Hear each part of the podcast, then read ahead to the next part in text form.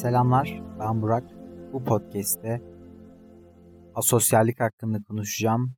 İyi dinlemeler. Aslında pek çoğumuzun asosyal olup olmaması toplumu çok ilgilendiren bir mevzu değil. Çünkü asosyal olmak, gözükmemek, toplumdan dışlanmak veya toplumu dışlamak anlamına geliyor. Baktığımız zaman öncelikle bu dışlanma ortaokulun sonları ve lisenin başlangıcına denk geliyor. Bu da insanların önemli hayatının bir kısmını böyle geçirmek zorunda kalıyor. Peki bunlar kendi tercihleri mi yoksa kendi istekleriyle mi böyle yapıyorlar? Onları konuşmak istiyorum. Öncelikle nerd olan veya asosyal olan kişiler genelde diğer insanlardan daha çok zeki veya daha çok çalışıyor. İnsanlar peki bunları neden görmüyor veya bu notlarına neden yansımıyor? Neden sosyalleşmek istemiyorlar? Ne kadar güzel sosyalleşmek falan filan derken onlar farklı bir şeyler düşünüyorlar. Genelde bu arkadaşlar ben de dahil tabii bir kısım olarak. Yani e, herkese samimi olmaya çalışsam da gerçekten herkese o kadar samimi olmuyorum. Aslında kendi grubum haricinde çok fazla insanla haşır neşir olmaktansa kendi grubum, kendi çapımdaki insanlarla daha çok haşır neşir olmayı pek çok kişi gibi ben de seviyorum. Bu asosyalliğe girer mi girmez mi pek tartışma konusu olduğunu düşünmüyorum. Ama çok fazla eskidenki gibi sosyal olmadığımı söyleyebilirim. Bunun dezavantajını hiç yaşamadım. Her zaman arkadaşlarım veya ailem gibi unsurlar hep yanımda oldu. Asosyal olan insanların ortak özellikleri şunlardır.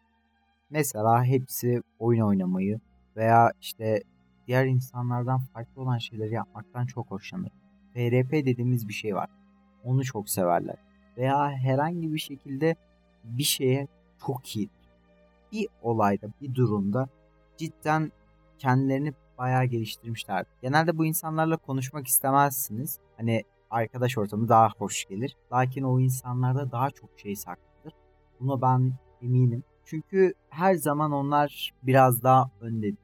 Hep sizi dinlerler, izlerler. Ama farkına varmazsınız bile çünkü onu görmezsiniz. Toplumdan kendini dışlar.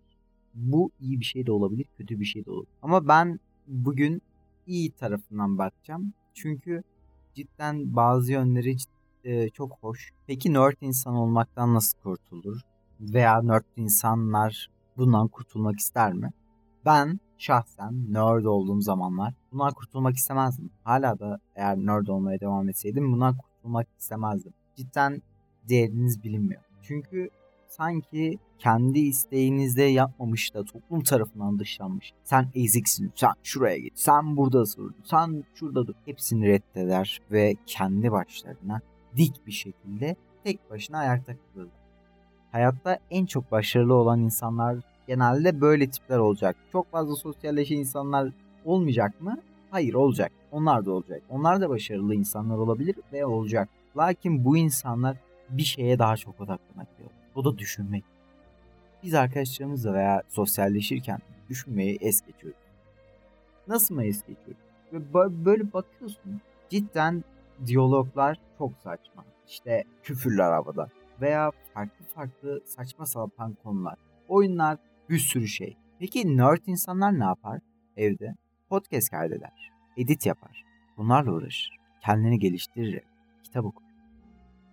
Hepsi için geçerli değil. Her şey bence genelleştirilemez. Bu da bunlardan bir tanesidir. Peki hayatınızın pek çok kısmında görebileceğiniz bu insanlar neden böyle? Hiç sordunuz mu kendinize? Sizin yüzünüzden olabilir mi?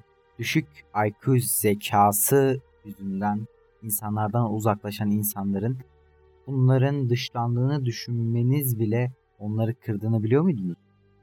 Hayır bilmiyordum. Çünkü siz nerd değilsiniz. Sizin 10-15 kişilik veya 20 kişilik arkadaş gruplarınız varken o en arkada oturup sizi izliyordu. Üzülüyor muydu? Belki bazen. Belki hiç. Belki birazcık. Ama dönüp baktığınızda o hayatına bir şeyler katmışken siz hayatınızı harcamış olacaksınız. Ben Burak.